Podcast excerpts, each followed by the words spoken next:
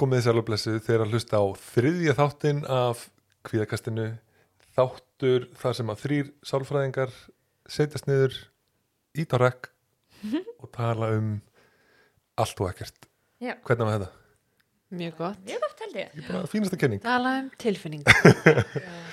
Einmitt, einmitt.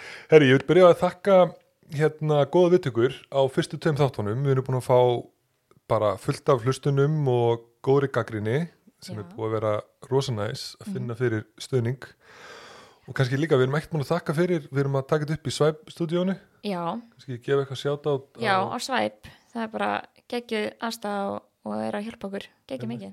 ég mitt eins og ég sagði ykkur í fyrsta þættinum ég held að við varum að hittast í ykkur svona geimslu og er ykkur svona mækar bara á miður, golfi en þetta er hefi kósi hjá þeim þannig að smáflott skrifstofi. mm bara mega flott sko.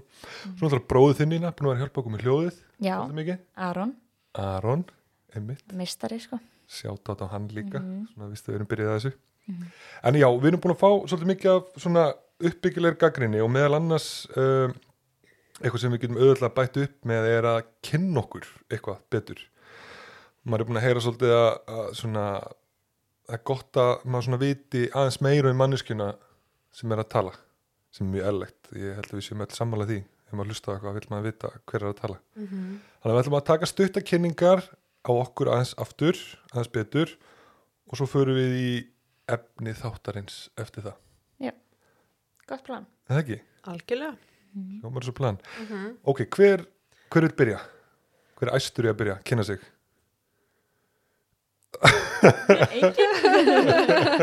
Þetta er svona eins og þegar maður er í einhverju svona hóp eitthvað, núna er allar að kynna sig og erum við svona að byrja stressið, mm. -hmm. magnast upp. Ætlar þú að byrja, Katrín? Já, ég skal byrja. Já. Ég skal að- vera leiðtógin í hópnum. Já. Byrja þetta.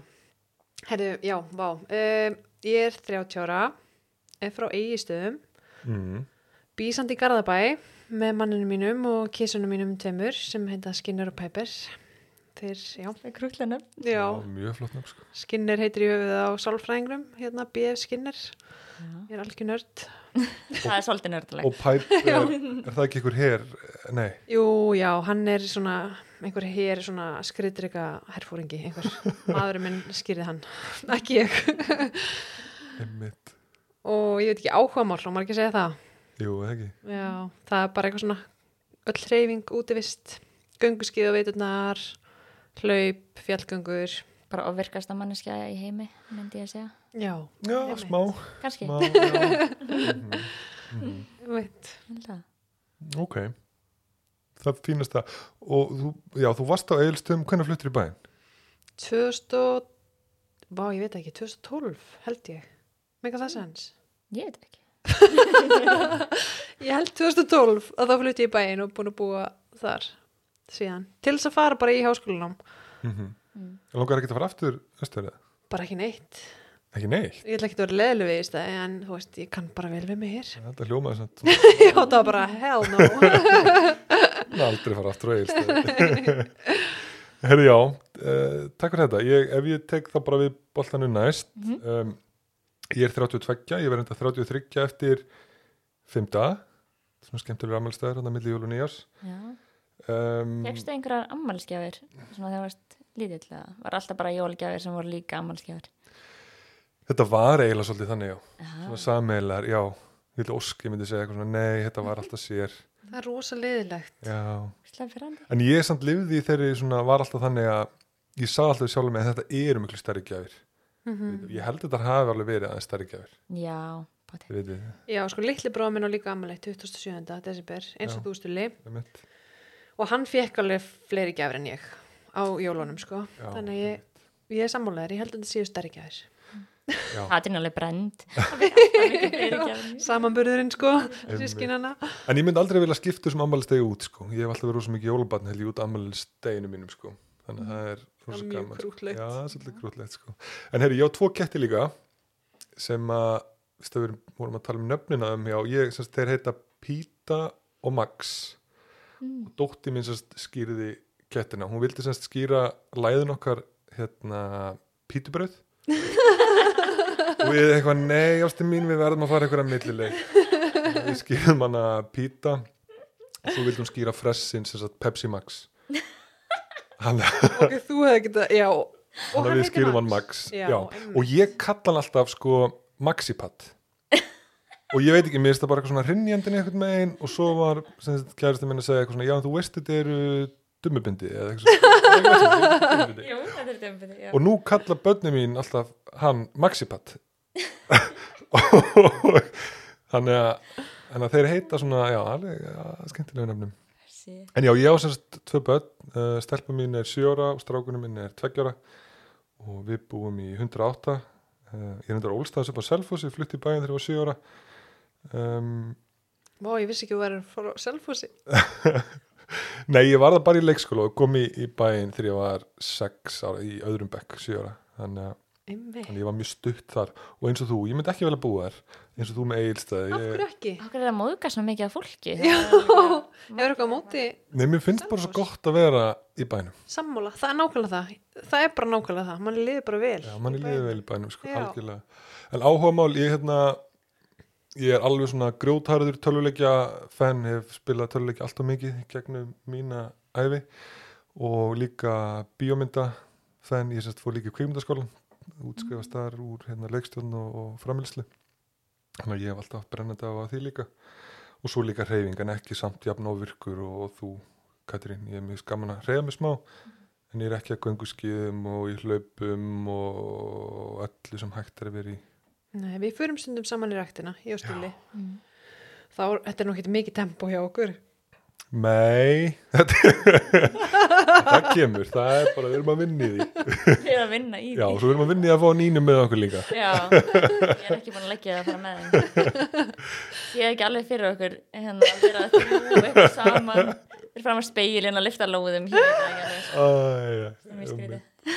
það er mjög gaman sko En við snúum okkur að þínu hvað er þú að skynna þig betur Ég er 27 ára og er fætt og uppálinn í Garabænum. Við Wow. enda þar. Yes, og hérna, uh, já, hvað er það, áhugamál mín. Um, já, ég var í dansi mjög mikið þegar ég var lítil og bara í mörg ár og var hans að kenna dans og svona, þannig að það hefur alltaf verið alveg mikið áhugamál en ekki búin að dansa bara sjúkla lengi. Ég er bara dansa á djáminu. Nei. dansa til að Hvernig kleima hættir að dansa? Um, ég hætti, ég held þegar ég byrjaði í háskólanum, já. Ok, Þannig að hérna, uh, þá byrjaði ég bara meira að vera í svona hóptímum, bara í vörklass, bara svona fá hreyfingu en samt bara tónlist og stuð, þú veist, mér það alltaf mjög mikilvægt. Þess vegna er ég ekki búin að leggja að fara með ykkur í svona salin og vera bara, ég veit það ekki alveg, ég bara er ekki alveg þann típa, ég er miklu meira að fara í bara svona hóptíma, það er ekki að hugsa neitt, er bara að reyða mig í hálftíma, 40 mínútur eða eitthvað og svo bara svona búið tegjur farin heim, skilur við, mér finnst það mjög næst. já, það er líka alveg næst, ég er alveg sammála því sko. En svo hef ég mikið áhuga á innanúsönnun líka og bara eh, nota Pinterest alveg grimt. Finnst það mjög skemmtilegt. Já, ég tók eftir, við fórum heimsók til nýnum daginn og, og hérna og ég er náttúrulega mjög yktur alltaf í öllu sem ég segi og ég var bara, þetta er að flottast sem ég sé Mhm. og mjög peppaður. Mjög peppaður. Já, það var mjög flott heima þér allavega Já, að takk fyrir það. Þannig að ef að sálfræðin klikkar þá bara beint Já, í innan og sönnun Já, nákvæmlega. Akkurat.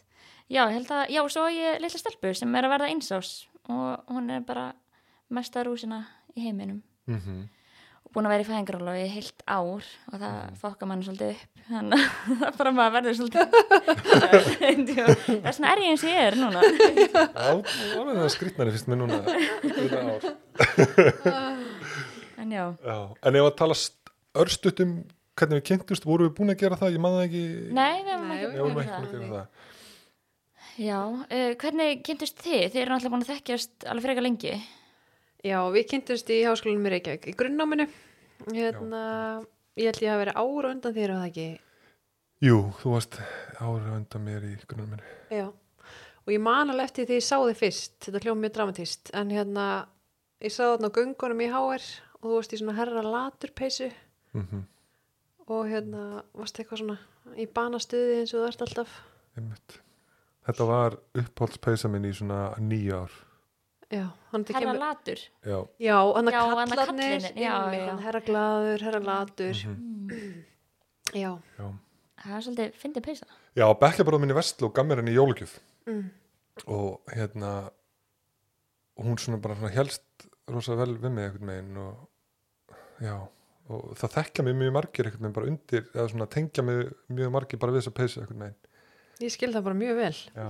Ég geri það sko. Svo þetta er svo fyndið, svo var ég líka einu svona alltaf ból sem að stóð á eitthvað bla bla bla og hérna, og það var bara eitthvað svona þessi peysa, þessi bólur það var bara fólk tengdi það bara ekkert með við mig sko, sem er bara fínt sko Mm þannig Ég að, tengi líka aðra peysu við þig. Það er hann að flippa kísupeysan sem þú ert alltaf í. já sem ég getið mér í Hollandum daginn, Já, um mitt. Bara eitthvað svona mesta amstæðan peysa sem ég sé á. hefur þú ævinni, séð hana Nína? Ég held ekki. hún er fyndið af því að ég mætti herra latur peysunni í atunvitalinsunni og svo hef ég líka mætti neða hann og annar, já, kannski einmitt hann og önnu saga kannski en, en við kynntumst Nínu á bara litlu Já. Já, klálega sko. og já, ég var nú eitthvað saman. já, ég var eitthvað að spyrja um daginina ég, einmitt, við kynntust þar að það ekki bara ég var ekki, Jú, jú. Og ég bara man eftir að ég var að taka við skrifstofaneðinni og hún er bara minnsta skrifstofa sem hefur verið gerð held ég í heiminum. já, Þú ert alltaf að vinna með það stuli. Hefur séð bílinn sem hann er á núna? við skulum ekki tala um hann. Já, ég, Það er rosa já, líka. og þú ert mjög stór maður, hvað er það á þessum? ég er, já, heyrðu sko ég er 2,01 á vegabröðinu mínu Já, en ég held ég sé 2,03 þannig að það er mjög skrítið að vera í svona litlum rýmum þegar maður er stór. og ég er meitt búin að vera rosa mikið að kæra um að Ford K ef fólk veit hvernig það er þá er það held ég minnsti bíll sem bara þú getur kert um á sko þannig að það er alltaf rosa gaman að fara út úr bílnum og fólk svona horfir á mann bara svona standa upp og það er svona, vá, mann hættir aldrei að standa upp og svona, Nei, ég hef líka bara verið með þér í þessum bíl og fólk er bara að horfa á, á mann bara út af gutt. Eða þú veist, þetta er bara svona ekstra lítill bíl. Og svo Já. erum við frekar stór. Eða þú veist, ég líka hávísum. Já. Þannig að við í þessum bíl er bara eitthvað pínstegt kombo. það er svolítið þannig sko en ef að vinda okkur í þáttina ef að ræða eitthvað meira, hvernig við kynntumst eða voru við, þið kynntust líka það ekki bara litlu þið tvær? Jú. ekki, Já. var það svona moment eitthvað, þú veist þið föðmuðust Já, og, og svona Mér fannst alltaf bara, Katrin var sjúkla svona vinaleg, hvernig hún tók á móti mér á litlu, hún var bara svona, kom alltaf inn til mín og bara já, hvernig hefur það og hvernig gengur? og bara var ógislega, já bara mjög svona welcoming. Já, Já. Takk ekki. Eða, þú kannst ekki við það stundið, kannst þessi ekki. vinuleg. en ég tengi það sama, ég man að mitt, við erum saman í hann að handlisli og yngu uh, í daminu og ég man bara einhvern veginn þegar Nína kemur fyrst þarna inn, hún var bara einhvern veginn með ógislega góða spurningar og var bara einhvern veginn með þetta strax sko. Sem að, saman. já, það er klálega væpi sem hún gefur frá sér. mhm ég pressa sko einmitt. en já já, þá er það komið er ok, hérna ef við förum þá í þáttin í dag við ætlum sérst að tala um tilfinningar. Og þetta er svona mm, að margt að ræða þetta er svona það hljóma mjög einfalt á pappír að tala um tilfinningar, þú veist hvað er tilfinningar og svona. En allt sem er einfalt eins og fólk þekkir að þá verður það rosa flókið svona bara einhvern veginn verður bara þannig. Og mér finnst alltaf svona gott að tala um þetta þannig að, að hérna, þú veist, að maður myndi spurja bara tíu manns að það myndi allir svara held ég bara mismunandi, bara hvað eru tilfinningar held ég. Þannig að við ætlum svona aðeins að koma inn á svolítið svona hvernig okkur upplifun er öllu þessu, öllu þessu saman. En dagskráin hjá okkur í dag er sem sagt bara hvað er, eða hvað eru tilfinningar hver er tilgangur þeirra hver eru grunntilfinningarnar og nei, er ég ekki komin eitthvað aðeins? Byrju, hver er tilgangurinn? Við ætlum að tala um styrkleika og tilfinningarnæmi við ætlum að tala um grunntilfinningarna já. Og svo ef við höfum góðan tíma til lokin að tala um svona hjálplega leiðir til þess að eiga við tilfinningarnar. Já, kannski förum bara svona gróflega yfir það. Við náum kannski ekki að fara eitthvað mjög djúft nei, við svona sjáum bara já, hver, sjáum bara til. hvernig tíminn yes. en já, tilfinning. Mhm. það er svona, já, margir myndir kannski vera með hérna ólíkar kannski útskýringar á hvernig, hvað tilfinning er. Ymmi. en mér er kannski bara svona besta útskýra að þetta sé í rauninu bara að við erum að tólka einhverja aðstæður og uh, bara á meðsvönda hátt bara að við erum kannski við öll þrjú í sömu aðstæðum, tólkum á, á meðsvönda hátt og finnum þá einhverja lungun til að bregðast á einhvern ákveðin hátt í þessum aðstæðum. Algjörlega Einmitt. þannig að það er bara eins og fyrir reynslan okkar getur haft mjög mikil áhrif á hvernig við tólkum aðstæður og þá hvaða tilfinningar við erum að upplifa í aðstæðanum Einmitt. Mér finnst bara svo gott um að þú segir lönguna því að ég ég hugsa alltaf bara, ég heyri tilfinningu hugsa ég alltaf bara fyrst um ok, hver er löngunin þannig bakvið þannig að mér finnst gott að maður minnist að það bara strax. Mm þetta séu svona einhvern veginn já að við bara hérna, heilun okkar byrjar einhvern veginn að láta okkur vilja bregðast við aðstæðanum á einhvern ákveðin hátt. Mhm. Þannig að uh, mér varst mjög gott dæmi sem ég heyrði þig útskýra hérna Katrín um daginn að ef að við myndum heyra þrusk úti og mér fannst þú hérna útskýra svo vel en hann var kannski að útskýra í, hér líka Já, var það þarna með, já, þú veist, eh, svolítið bara svona hvernig tólkun getur verið mismunandi eftir því Mhm. hver maður er og hvaða bakgrunn maður hefur. Þannig bara eins og ef ég og Stulli myndum bæði heyra þrusk, þú veist, heima hjá okkur, að þá, bara, já, við erum kannski bara að sofa, það komið nótt.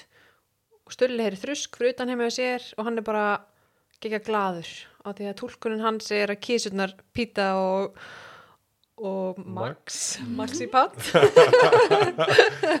séu hérna að koma heim skilur og þú ert bara gladur í því. Á meðan að ég myndi kannski heyra þrjusk úti og ég er þið bara hrætt þú veist og ég myndi bara eða reið af því að minn bakgrunnur er meira svona ég var í löggunni og maðurinn minn var í löggunni eða er í löggunni. Þannig ég myndi kannski túlka bara herrið það er eitthvað hættult að fara að gerast ég þarf að vemda heimil mitt. Mhm. þannig að tilfinningin á mér var ekki gleði eins og hjá Stulla. Mhm. Akkurat, þannig að þetta er sum aðstæður finni fyrir ólíkum tilfinningum og vilja kannski þá bregðast við á ólíkan hátt að stulli vill fara og hlaupa í köttanum sínum og knúsa það og skilur og þú vilt náður í hamar og bara vera reddi í eitthvað, þú veist, eitthvað aksjón. ég, mitt, ég er bara að fara að æða út. Bara vopnuð En getur við þá farið beint yfir í að því mér finnst þetta að vera svona góð brú yfir í næsta lið í rauninni hverju tilgangurinn? Já, af því að eins og við höldum áfram með dæmi en að Katrínar að hérna, þú veist, hún verður kannski reið eða eitthvað svona hrætt eða eitthvað að þetta er í rauninni að veita okkur ákveðnar upplýsingar. Hún verður reið og þá hugsa hún með sér kemur ykkur tólkun að það er innbrutsögu mættur eða eitthvað svo leiðis og þá er hennar löngun einhvern veginn að breyðast við á þann hátt, hann hvort að verja heimilið eða, vitið, flýja eða eitthvað svo leiðis að meðan ég væri bara eitthvað í rúmi bara með bros og vör og bara held áfram að hlusta á hljóðbökinu mína eða eitthvað, þið veitir hvað ég Einmitt. þannig að þetta er svona veitur okkur ákveðnar upplýsingar og hvernig við eigum í raunin að breyðast við. Mhm. algjörlega. Mm og bara þú veist hvað skiptir maður máli svolítið í lífinu. -hmm. þannig að ég veit bara ef ég er glöð að kísuna mínar koma heim þá greinlega skipta, skipta þær mig máli. Já, það er þetta góða punktur.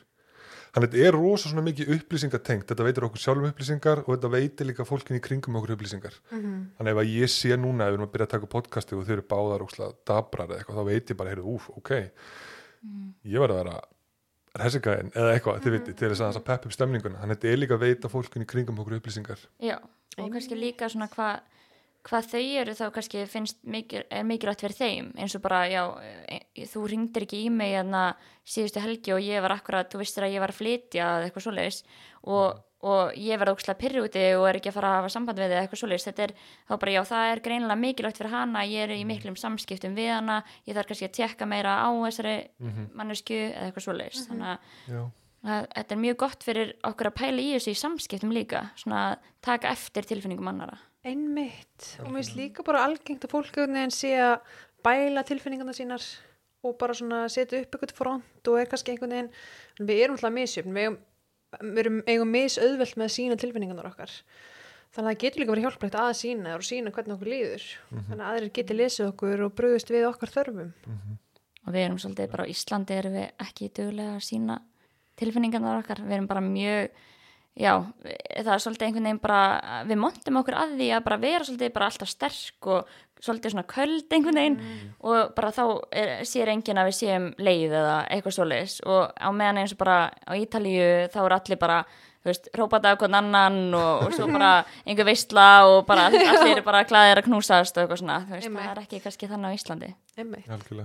Ég held að sé líka mikilvægt að hafa í huga í þessar, að því að, í þessar umræða að því við erum að tala um, þú veist, þeirra að veita okkur upplýsingar og veita öðrum upplýsingar líka að að þú veist, hafa í huga þú veist, þetta eru samt ekki staðrendir, þið vitið, en mér finnst svo umræða alltaf góða, því að sem ég leiði upp um með dæmið aftur hann að kötu og ég er það ókslega reyður, af því að ég held að þetta sé innbrastjóðar, að það þarf maður stundum svolítið aðeins að, þú veist, hugsa svo um, þú veist, þetta er ekki endilega staðrind, þetta er meira einhver svona tilfinning og við kannski förum betur í það eftir þegar við tölum um bregðast við, bara að hafa í huga tilgangur þeirna er þetta, en þetta er ekki alltaf staðrindir samt sem áður, er ég að útskýrta eitthvað ágætlega? Já, okkur bara getur liðið eins og þetta sé satt en það þarf ekki endilega að vera satt. Já, það er mitt. Er það ekki svolítið? Jú, Já. það er svolítið þannig. En ég, en ég held líka bara einhvern veginn að tilfinningar, þú veist, þær gera lífið okkar svolítið að því sem það er og veitur okkur svolítið svona innihaldsríkt líf. Mm Þú veist, bæði það allar þessar svona óþægilegu tilfinningar, svo debur eða sorg, við værum ekki að sakna eða værum ekki sorgmætt ef við værum ekki að elska annað fólk. Þannig að þetta er svona sikkur hliðin svolítið á sama peningnum þar. Já.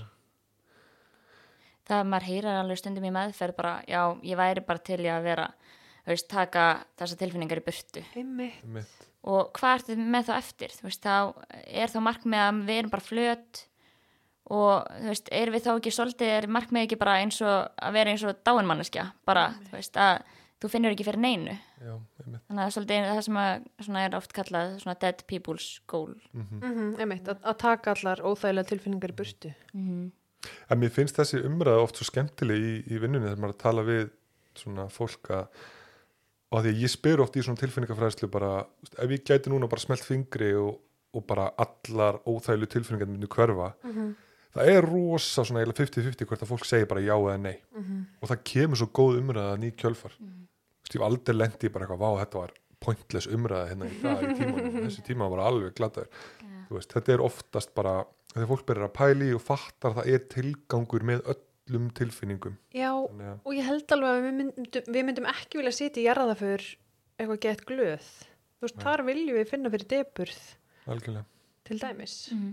nákvæmlega algjörlega Akkurat, þannig að þetta að þær hafa allar þessar einhvern svona tilgang fyrir okkur að sína kannski líka að hérna, haldi það sem skiptir okkur máli eða að standa upp fyrir okkur. Það er svona, það er alls konar uh, hérna, já, tilgangurinn er í raun að við getum lifað því lífi sem við, við viljum lifa. Einmitt. Já, algjörlega, en mér finnst þeim bara þarna, ef við erum að svona sumur upp tilgangin, þú veist, þær er að veita okkur þessu upplýsingar til þess að við vitum hvað skiptir máli og vitum hvað við erum að forðast og svo framvegis, þannig að mér það svona svona grunnurinn í þessu eitthvað megin, en svo náttúrulega Algjörlega, margt þarna líka algjörlega. sem við verðum að ræða.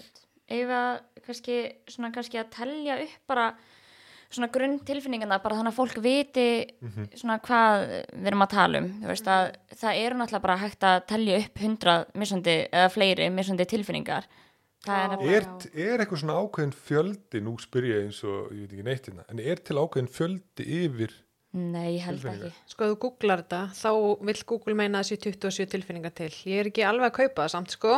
27? Já, ég, held að, 27. ég held að sé líka bara misað þetta tungumálum Það og svona, held við erum með pyrring, líka. æsing Já. reyði og bara allir, nei, ég vil ekki vita um reyði ég vil vita um pyrring, þetta er bara svona já, en þú veist, þetta er þetta er undir sama hatti Einmitt, hræðsla, Já. ótti, kvíði, allt þetta. Ég var líka pæli, veist, að því að einmitt, þetta er þessar grunn tilfinningar svolítið, mm. -hmm. kvíði, ótti og þetta er bara það.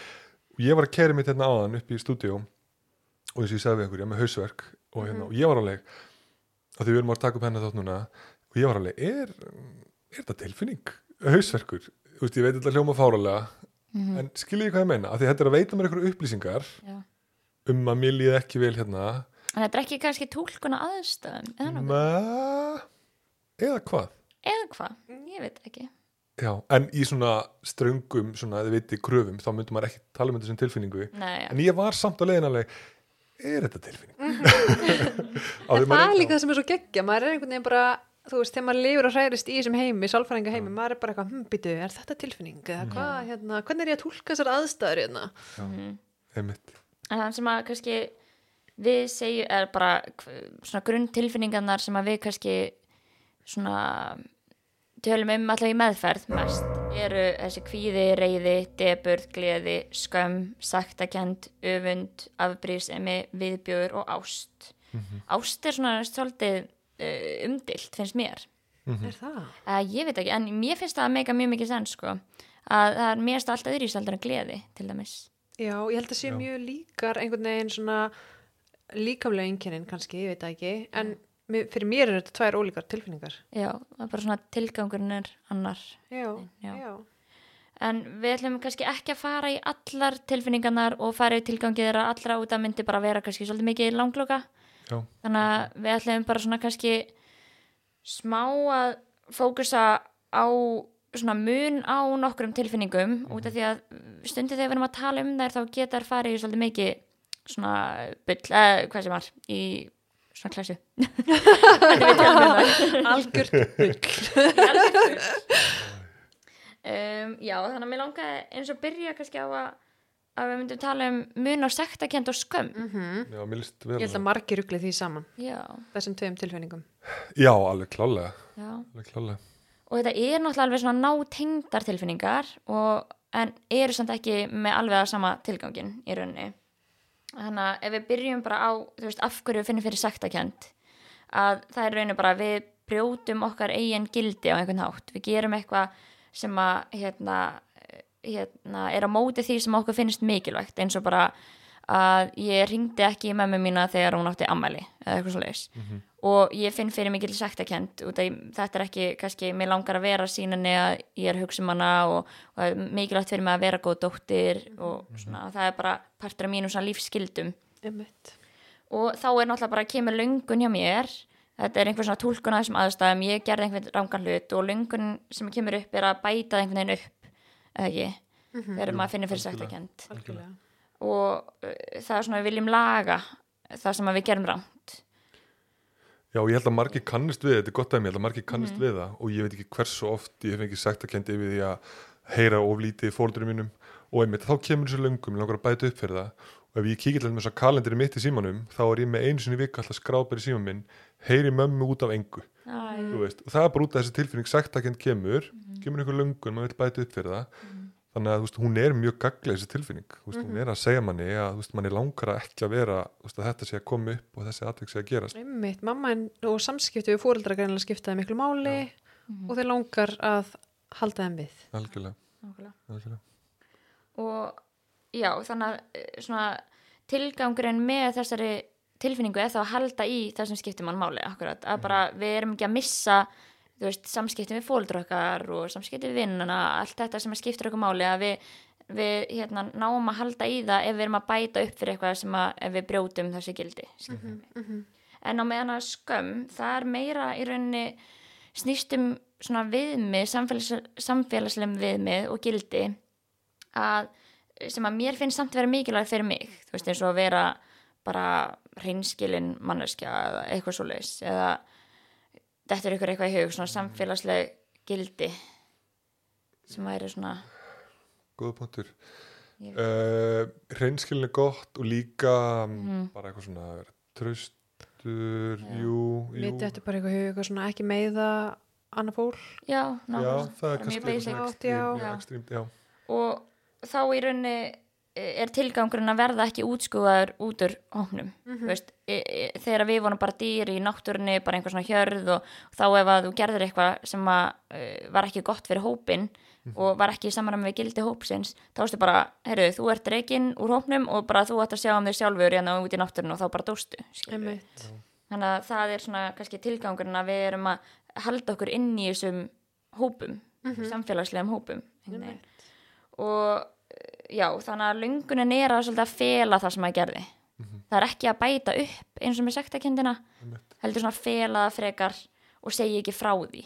Sem að þetta er miklu meira um svona ég sem manneskja er einhvern veginn ekki gerði einhvern ræðilega hlut og er þá ekki hlutur sjálf heldur ég er slæm manneskja. Já, já, já, einmitt. já, þannig að við frekar svona færum það yfir í að þú veist ekki bara já ég var hérna vá, umuleg að ringi ekki í mömmu bara en þú veist hún veit nú alveg að ég þú veist er alltaf í góðum samskipt við hann og hún veit að það er mikið að gera á mér eitthvað svo leis, eða þá heyrðu ég er bara hræðileg dóttir bara og ég stend mig aldrei þú veist ég er bara ekki nógu góð veist, og maður heyra það bara núna þegar ég veit að við höfum oft talað um þetta saman líka þetta er ósa ruglingslegt sko. og þú finnur það bara eftir sem er ofta að tala um þetta hann að mér finnst bara endilega spóla tilbaka aftur, hlusta þetta aftur ég veit að ég bara einhvern veginn er ennþá veist bara, maður er ennþá að pæla í þessu. En mér finnst líka gott að pæla í að þetta getur líka verið á veist, sama tíma, maður getur líka að upplefa skömm og sættakend einhvern veginn á sama tíma. Og maður kannski vill fela eitthvað þið vitið fyrir öðrum, að maður vill samt líka bæta upp fyrir það. Þannig að það getur alveg verið að koma á sama tíma sko. þannig að þetta er alveg og þess vegna held ég við sem er rugglisir saman að þetta er einhvern veginn svo. Og við erum að upplega með þessar tilfinningar í sömu aðstæðum Mhm. Já. ég hugsaði eitthvað svona að það er svo mikið vegan þú veist í dag og eitthvað Já. þú veist ég held til dæmis eins og ég fyrir alveg í gæsa veiði með pappa Mhm. og mér finnst alveg gaman að veiða og eitthvað svona en ég mynd- myndi ekkit endilega vera að tala um það í kringum fólk sem væri vegan mhm, Já. þannig að þá væri það kannski þú veist Mhm. skömm í þeim aðstæðum að ég var ekkit endilega að fara að tala um það að því í þeirra hóp væri það ekkit endilega samþygt að vera veiða dýr á meðan ég myndi kannski heldur eða ég myndi kannski frekar að við eitthvað annað fólk Já. sem var ekki móti þú veist, veiðum. En, og svo, og svo myndir ekkert endilega fá sektakend í þessum aðstæðum út af því að þú, þetta er bara þú veist, eh, það sem að þið gerið skilur og þetta er ekkert, ekkert sem að þú ætlar eitthvað að bæta upp fyrir eða eitthvað einmitt. en bara skömmin er í einhverjum ákveðin hó, hópum þannig að við getum fyndið þetta á svona Já. sikurlegi og saman. Já, og ég held að þetta sé líka sko, þetta breytist eftir hópunum sem maður er í. Já, þannig að þarna er ég kannski meira að fela upplýsingar frá ákveðnum hópa því ég veit þetta er ekki samfélagslega samtíkt í þeim hóp en ég væri kannski ekki að fela það í öðrum hópum. Mhm. nákvæmlega. að því ég veit að það er ekki gaglegt fyrir mig Mhm, nýtt þau ég verið að ræða um veiðar. Mér er svo gamla að tala um þetta þrónufræðilega skömmina nýna mitt að mér finnst það svo sjúkla áhugavert. Þú veist þessi tilfinning kemur að því að þú veist í gamla daga þið við vorum eitthvað í, þú veist, way back sko að einmitt, ef maður var útskóður úr hópnum Mhm. þá var maður bara átt sko, þá varstu bara að fara að drefast sko. Það er aðeins öðruðs í dag vitið, en, en þessi tilfinning er ennþá bara svolítið komin þaðan sko. nákvæmlega. Og þetta er náttúrulega líka bara misjætt eins og ef við tölum um bara eins og samkynneið að bara á Íslandi er það bara ekkert mál að vera samkynneður og bara uh, skilur við mig, eða þú veist að það er bara mjög samfélagslega samþygt, myndi ég að segja en með við allavega í öðrum löndum og svo eins og kannski í einhverju landi bara, þú veist, ég veit ekki, Afriku eða eitthvað svo leis, að þá væri það bara einhver dómur, þú myndir bara fara í fangilsi en þá í dag, og þá er skömmin að vera samkynniður mun sterkari þar heldur en hér, skilur við mig. þannig að þetta svona er líka eftir við búum, allt þetta og, og eftir svona, já, viðmöðunum og eh, mér finnst líka svona kannski gott dæmi sem að ég held að margir tengja við er svona body shame Mhm. að, að eins og bara, ok, við fyrir mig sund og margar sérstaklega stelpur eða konur svona upplega eins og þurfum einhvern veginn að fela líkama sinn ef það er ekki bara tágrannar eða með sixpack eða eitthvað svo leys út af því að einhvern veginn við sjáum það bara Instagram og samfélagsmiðlum að þá er bara tilhningin er að fela sig, hlaupa í pottin þannig að enginn sjáu, þú veist, það er þessi skömm sem við erum að tala um. Sem að er náttúrulega bara ekki kannski líka í samræmi við þannig við aðstæður að það er enginn að fara að henda þér út úr lauginni enginn að fara að útskóða þér út úr Reykjavík eða eitthvað skilur þú veist bara út af því að þú hérna þú varst ekki alveg, bygginni er ekki alveg nóg hendar eða Já, svona, já, skilur, algjörlega. þetta eru þrjú mjög góð dæmi mitt þú veist, með sundið og svo mitt veiðarnar og vegan og, og, hérna, og með samkynnið þetta eru mjög góð dæmi hérna mér finnst gott að við skulum nefna þau sko. En svo ætlum við að taka fleiri tilfinningar fyrir. Þetta var rosa góð umræða. Ég, hérna, en við förum næst í, vorum við ekki að pæli líka afbríðsemi, nei, vorum að pæli jú, afbríðsemi og öfund, var það ekki? Mhm. Kata, þú varst að pæli að útskýra það, vorum við ekki, já.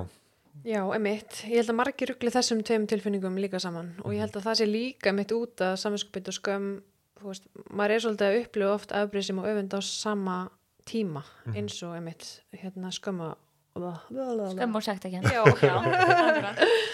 og hérna, og munurinn á þessu er að þú veist, öfund er að mér langar í eitthvað sem ég á ekki. Á menna afbrýði sem er að ég á eitthvað og ég hrættum að missa það. Og þetta er svona skilgreiningin á þessum tveimur tilfinningum. Já, mér finnst þetta svo ótrúlega, ég var einhvern veginn ekkert búin að pæla í þessu áður en að ég bara byrja að læra um tilfinningar. Og mér finnst þetta bara svo ótrúlega svona góður eða svona gott að einhvern veginn að skilja munun á þessu þannig að öfindsíkin er að mér langar í eitthvað sem einhver annar hefur afbrýðsemin er að haldi það sem ég á Já. og maður er hættur um að missa já, Já, rauninni. og ég held að þetta sé öruglega það sem maður er oftast að leiðrætta finnst mér svona hjá fólki þessi rugglingur Mhm. og eðlilega maður rugglast pottit ofta á sig sjálfur held ég, Mhm. er maður að ræða þetta Já, ég held þessi mjög algeng tilfinning í nánum samböndum Já. Veist, eins og ef ég myndi taka dæmi um að ef við nýna verum saman í sambandi mm -hmm. og þú veist, við tölum um að eiga einhvern í gæsulöpum að því auðvitað ámar ekki maka sinn. En ef að við nýna verum saman og einhver stelpa kemur svo og myndi reyna við nínu að þá væri, er ég mjög afbreyðsum að því ég væri hrættum að missa nínu frá mér til stelpunar Mhm. á menna öfund væri þá meira ef að nína færi að sína þessari stelpu aðtigli og ég væri þá ekki að fá aðtigli frá nínu að þá væri ég öfundsjúk eða myndi upplega öfund af því að ég væri ekki að fá aðtiglina heldur þessi stelpa. Þannig að mér langar í aðtiglina frá nínu en er klálega ekki að fá hana. Já, þetta er mjög gott dæmi sko, já, já. mjög, mjög svona skýrt einhvern veginn þegar þú útskýrir þetta bara, já, bara mjög gott dæmi. Og líka vera öfundsjúk út í aðteglina þú veist, þetta er bara mm -hmm. þetta er rosa þetta er Já. áhugavert og svo sér maður þetta líka rosa oft þegar maður er að vinna með að því við erum alltaf að vinna á litlu kvíða með fyrir stöðinni við, við erum að vinna með krökkum og maður sér þetta oft líka hjá vinkonum. Svona Mhm. unga stelpur Mhm. þú veist, 10, 11, 12, 13 er að koma og það eru vinkonum vandamál og oft svona eitthvað þrjár vinkonur saman í hóp og þær eru svona að upplifa öfriðsum og öfund alveg sitt á hvað Mhm. í þessum vinasamböndum. Já, algjörlega. Algjörlega. Já, nákvæmlega. All, við ætlum að taka fleiri tilfinningar, var það ekki? Eða var það, var það bara þessa fjóru sem ég að held að við ætlum Úr, bara þessar fjórar. Kannski, já, bara þessar fjórar út af því annars þá kannski, já, verður þetta svolítið mikið langlóka en Sammála því. hérna við kannski tökum framhaldsþátt og förum í fleiri tilvinningar þá, og við erum náttúrulega að fara að taka hérna, þáttum kvíða sérstaklega örglega um reyðir sérstaklega og eitthvað svona, þannig að það verður kannski meira í svona sérþáttum. Já, þá svona hjálplega leiðir til að takast á við tilfinningar sínar og það er sérstaklega kannski fyrir fólk sem að á oft í vandræðum með að maður er að sína kannski mikið sterkum tilfinningum og er kannski að lenda í einhverjum vandræðum út af því, þú veist, er bara kannski hérna í einhverjum samskiptaröðleikum eða eitthvað svo leiðis en svo er þetta náttúrulega líka bara gaglegt að hafa þetta huga fyrir alla. Um, þannig að svona kannski fyrsta sem að er gott að við huga þegar við finnum fyrir tilfinninguna eða til, sterkum tilfinningum og bara tilfinningum er að svona setja merkimiða á tilfinninguna Einmitt. Já, emitt. Og það tala um, þú veist, bara það að nefna, þú veist, tilfinninguna, að þá minka tilfinningin, eða sérst, styrklegi tilfinningunar um 20%, þannig að hún fer í rauninni úr amygdölunni í möndlunni og við færum hann svolítið yfir í framheilan með að nefna tilfinninguna. Það er raukvöksunum okkar, þannig að bara það að nefna í rauninni minka tilfinninguna. Og þetta var kannski það sem við glemdum að fara í, að því það var á agendanu, að tilfinningar eru með mismikið styrkleika Mhm. og svo erum við líka að fæðast með mismikið tilfinningar næmi. Þannig að Já, akkurat, Vá, við þurfum svolítið kannski að tala um það líka Já, einmitt. Þannig að þú veist, við sálfræðingar tölum oft um að tilfinningar séu á einhver svona skala, skalan 0 til 10 og þá erum við að tala um, þú veist, styrklegan og við getum auðvitað verið með, þú veist, þetta er mjög huglegt mat. Þannig að tilfinningu på 10 hjá mér í kvíða kannski væri önnur heldur en hjá stulla. Og mér veist fólk oft festast í þessu, bara hvað er tilfinningu på 10? Er hún, er hún núna í 10? Hvenær er hún 5? En þetta er også bara huglegt og þetta er svolítið bara svona út frá þér sjálfum og þú bara svolítið svona kannski gæti verið hjálplegt að hugsa ok, hvenar fann ég mest fyrir kvíða? Hver á mest styrklegin á kvíða sem ég hef fundið fyrir, já ok, það er þá kannski tíjan mín. Mm. en fara síðan að spá í emitt að reyna að staðsetja sig á sem Já, tilfinningaskala algjörlega. Það er mjög sniðut að hafa svona sinn eigin skala einhvern veginn og kannski bara skrifa niður hjá sér eða eitthvað bara til þess að, svona, þess að fylgjast með þessu svo svona áhugavert. Mm -hmm. Og maður finnur líka að því að maður er alltaf með, þegar maður er með skjálfstæðingum, þá er maður alltaf spyrja ok, hversu sterk var tilfinningin og svona. Og maður finnur eftir sem líður á tímana að þú veist, þau eru miklu fljótar að byrja kennsla á styrkin Mhm. veist, þetta er farið úr því að vera bara eitthvað, ó, ég veit það ekki. Þú veist, þau eru bara eitthvað, kvíði, sjö. Emitt, þetta er fimma, solid Já. fimma. Af því að þá eru þau bara svo mikið að læra inn á sig og skilja þetta betur og þannig að Einmitt. og líka bara, ég held að við kennaðum þarna að þú veist, alla tilfinningar eiga sér einhvern svona hámarkstyrk Mhm. þú veist, það er ekki bara óendaleg tilfinning, af því þegar maður er kannski kvíðin, þá líður manni bara eins og að tilfinningin verði bara óyfirstíganleg og hún verður svo sterka, þú veist, ég mun bara springa eða eitthvað. Mhm. en einmitt, bara alla tilfinningar þar eru bara skalanum 0 til 10 þar eiga sér hámastyrk og svo munu það líða hjá að lókum Mér finnst líka sko því að nú erum við að tala um hérna, þessi styrkleiki 0 upp í 10 Mér finnst fólk líka oft festast í því að annarkvort er þetta bara 10, ógislega gaman eða 0, bara það var ömulegt mm -hmm. og þá er líka svo mikill lærdom að setja styrkleika ná að fatta að þetta er ekki alltaf bara ömulegt eða kekja, það er líka bara og þetta var bara allt í lagi Mhm. við þurfum ekki alltaf að hafa ógislega gaman eða verða ógislega veist, það er alveg líka eitthvað millið sko.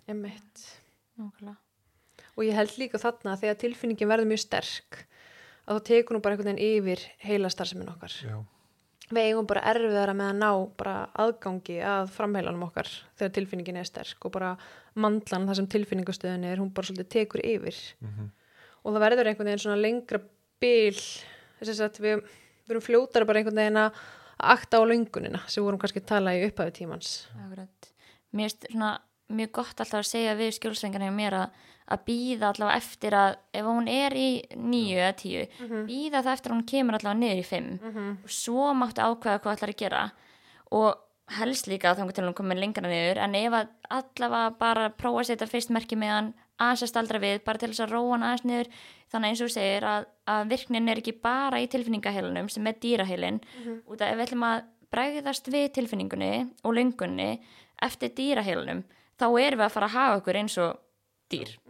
Þá erum við bara að fara að vera öskrandi kasta hlutum eða eitthvað. Þú veist, fara bara þú veist, að hágráta og eitthvað þú veist, allt þetta. Að í staðin fyrir að eins og ok, er gaglegast fyrir mig að öskra á þú veist, yfirmanni minn út af því að, að hann vill ekki gefa mér launahækun þú veist, og þá bara ok, ég ætla aðeins að staldra við það sem var hjálplegra fyrir mig væri frekar að segja, heyrðu, ég er bara búin að vinna hérna svona lengi, mér finnst ég þetta skilið og vera þannig að það væri betra fyrir mig aðeins að minka styrkin mm -hmm. þannig að, að já, mér finnst þetta vera mjög góð punktur, færa svolítið byrja að færa virknuna meiri í framheilan, þar sem við getum nota svona raukugsununa, skipulagt hæðunum okkar en ekki bara og þetta álíka við um sko og mér finnst þetta eiginlega svona besta, ein besta hjálplega leiðin að berja svona að, að svona vinna með heita tilfinningar er að bara býða aðeins.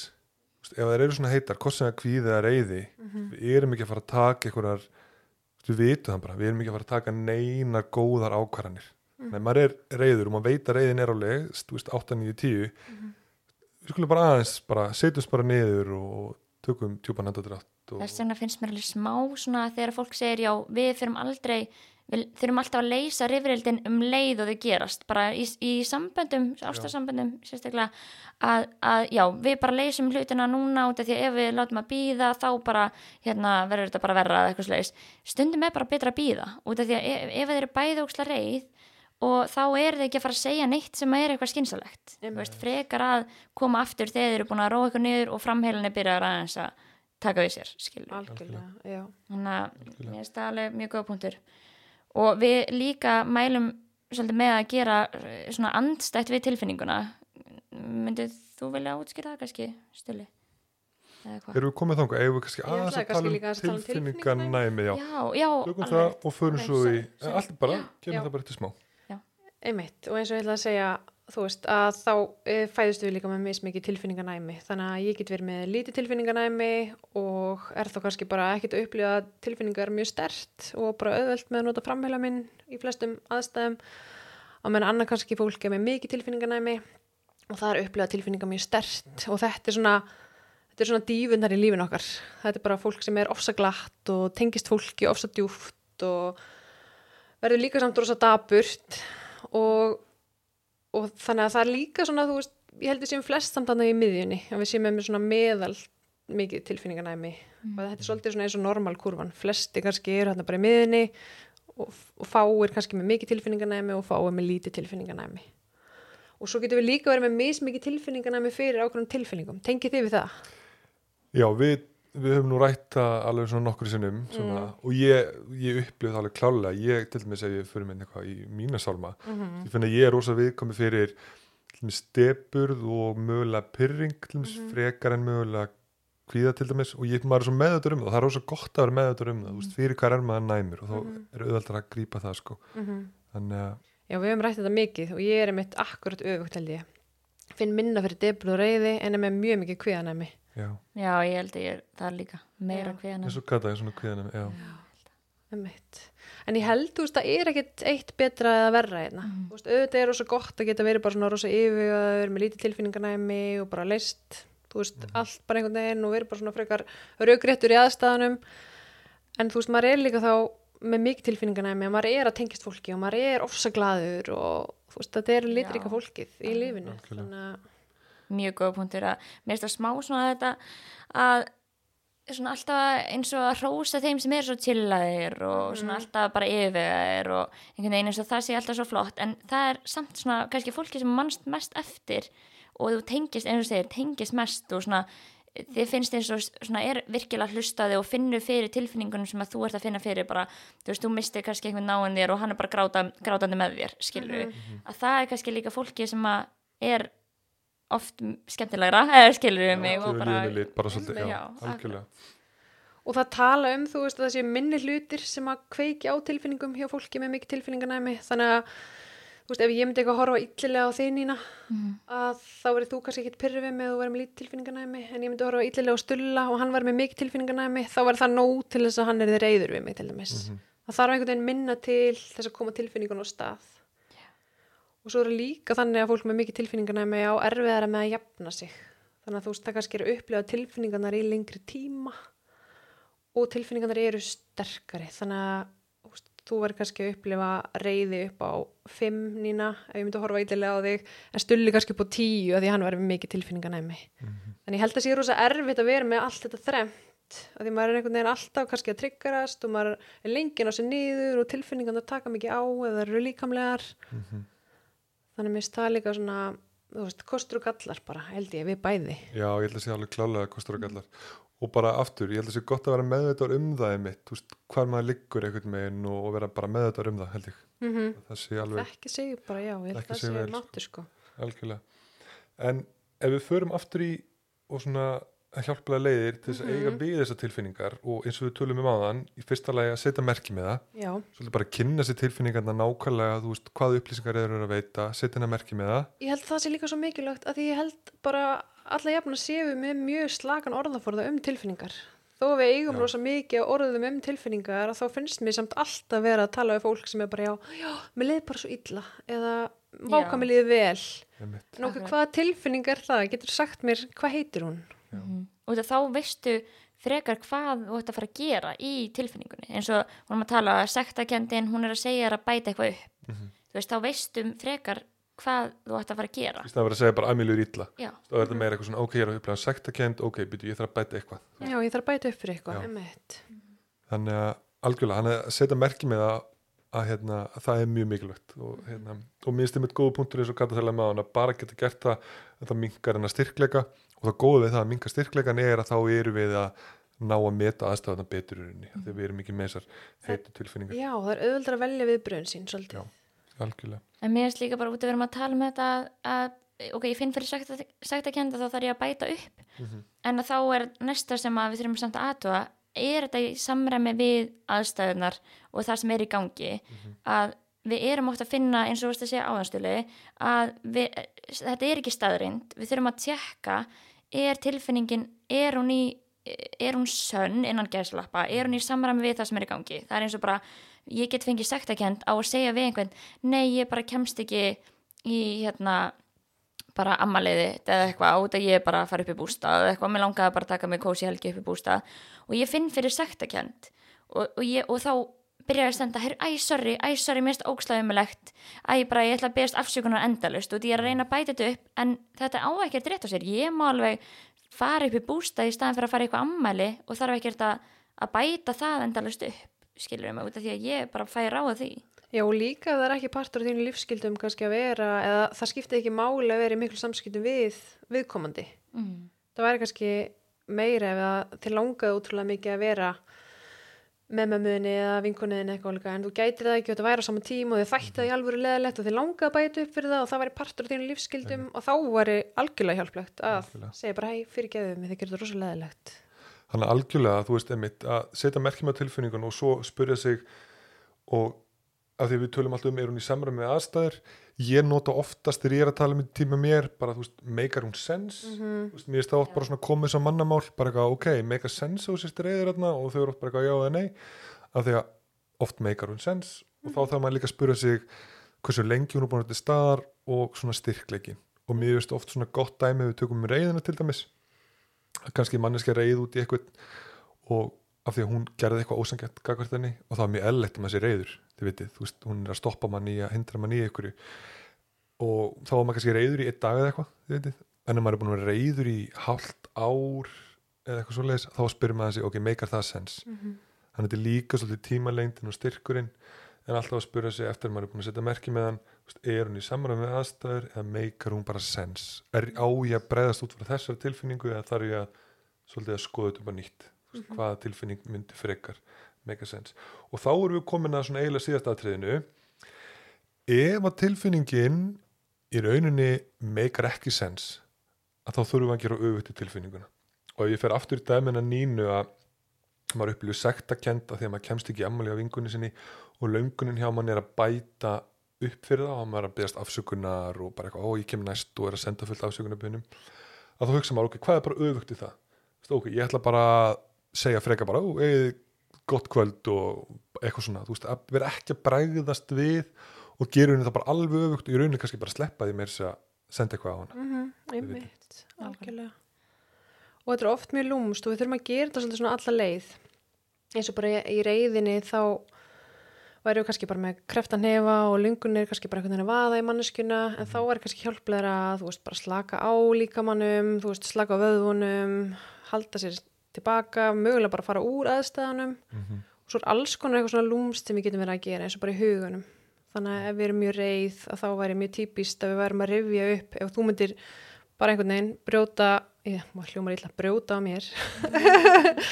En hérna, ef þú myndir gera eitthvað á, þú veist, sem færi við mörki minnstili Mhm. að þá væri mjög líklegt að ég færi bara veist, í reyðinni að rifja upp allt slæmt sem þú hefur gert mér áður en ekki bara í mómentinu. Þannig að þá viljum við líka kannski bara gera auðvitað það þú veist að reyna að trubla þann hugsunagang eða bara mitt rifja upp öll atvikinn þar sem að þú varst actually bara mjög næs við mig. Mhm. þannig ég held að við þurfum alveg svona bara já að gera þetta alla leið til þess að senda skilabóð upp í heila að, að, hérna, að þetta sé ekki tilfinning sem er hjálpleg endilega í þessum aðstæðum. Já, það er akkurat góða punktur að af hverju erum við að gera öfugt við tilfinninguna?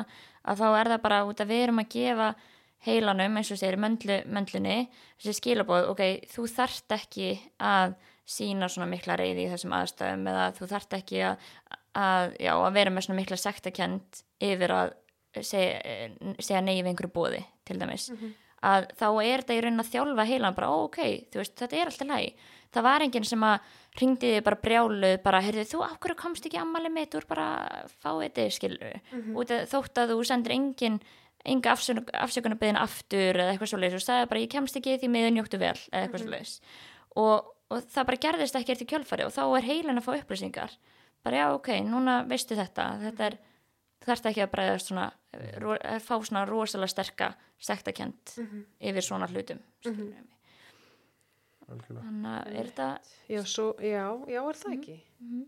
Jú, og ég ætlaði eitthvað að fara að tala um kvíðan og eitthvað en svo fatt að ég verið með sér þátt um kvíða næst þannig ég ætla ekki að fara eitthvað ég var alveg með eitthvað tvö dæmi ég ætla að taka. En ég held að þetta sé alveg slatta upplýsingum í bara í þessum þætti og ef við þó ekki bara já, ja, og ég held kannski líka bara aðalatrið sé að, að þegar maður finnur fyrir þessum tilfinningum að bara mæta þeim með smá bara svona forvitni og hlýju Mhm. vera bara, herðið okkur, hvað er þessi tilfinning að segja mér? Mhm. að ég held við dettum líka oft kannski í þess að grifi að dæma okkur fyrir það að upplega tilfinningarnar okkar. Já, bara mér er á líka ekki að líða svona ó ég er svo mikil aumingi. Vist, ég, ég er svo kvíðin, það geta allir farið í þetta ammæli en ekki ég. Væri þá ekki sniðut bara það er svo ó, ó, óþægilegt að vera síðan bara reyður við sjálfan sig að því maður er svo kvíðin í aðstæðanum svo óhjálplegt og í rauninu óþarfi. Já. þannig það að er, er að koma út af einhverju líka fyrir reynslu það er alls konar, þú veist bara já, ég bara, já að maður svona er að finna þessar sterku tilfinningar úti því að maður kannski lendi í einhverju áður og, og, og eitthvað svoleiðist þannig að við þurfum smá að vera bara heyrðu, ok, þetta er bara tilfinningin sem að kemur núna, hún fer eftir smástund hún er hámarki, þú veist og hún er ekki hættuleg. Hún líður hjá, þetta, einmitt, þetta eru gestir og bara kennarar, þetta er ekki eitthvað óvinnur okkar. Mér finnst það kannski svona algjörlega. Og ég held að það væri gott líka bara, þú veist, fyrir fólk sem er að hlusta, ef það er, veist, virkilega spáðið sem hlutum, að taka bara vikuna næstu eða bara eitthvað og virkilega reyna að fylgjast með, veist, hvaða tilfinningar er að koma upp Mhm. og vera bara sjúkla forvitin, veist, hver er styrkleikin hjá þeim, hver er hvaða lungun er að koma upp með tilfinningunni, þú veist, hvað langar með að gera, er hún ógæslega heit, núna á ég kannski bara aðeins að býða, á ég að bregðast við, aðeins að pæla í þessum hlutum. Einmitt, er hún að koma alltaf í þessum aðstánum eða, Mhm.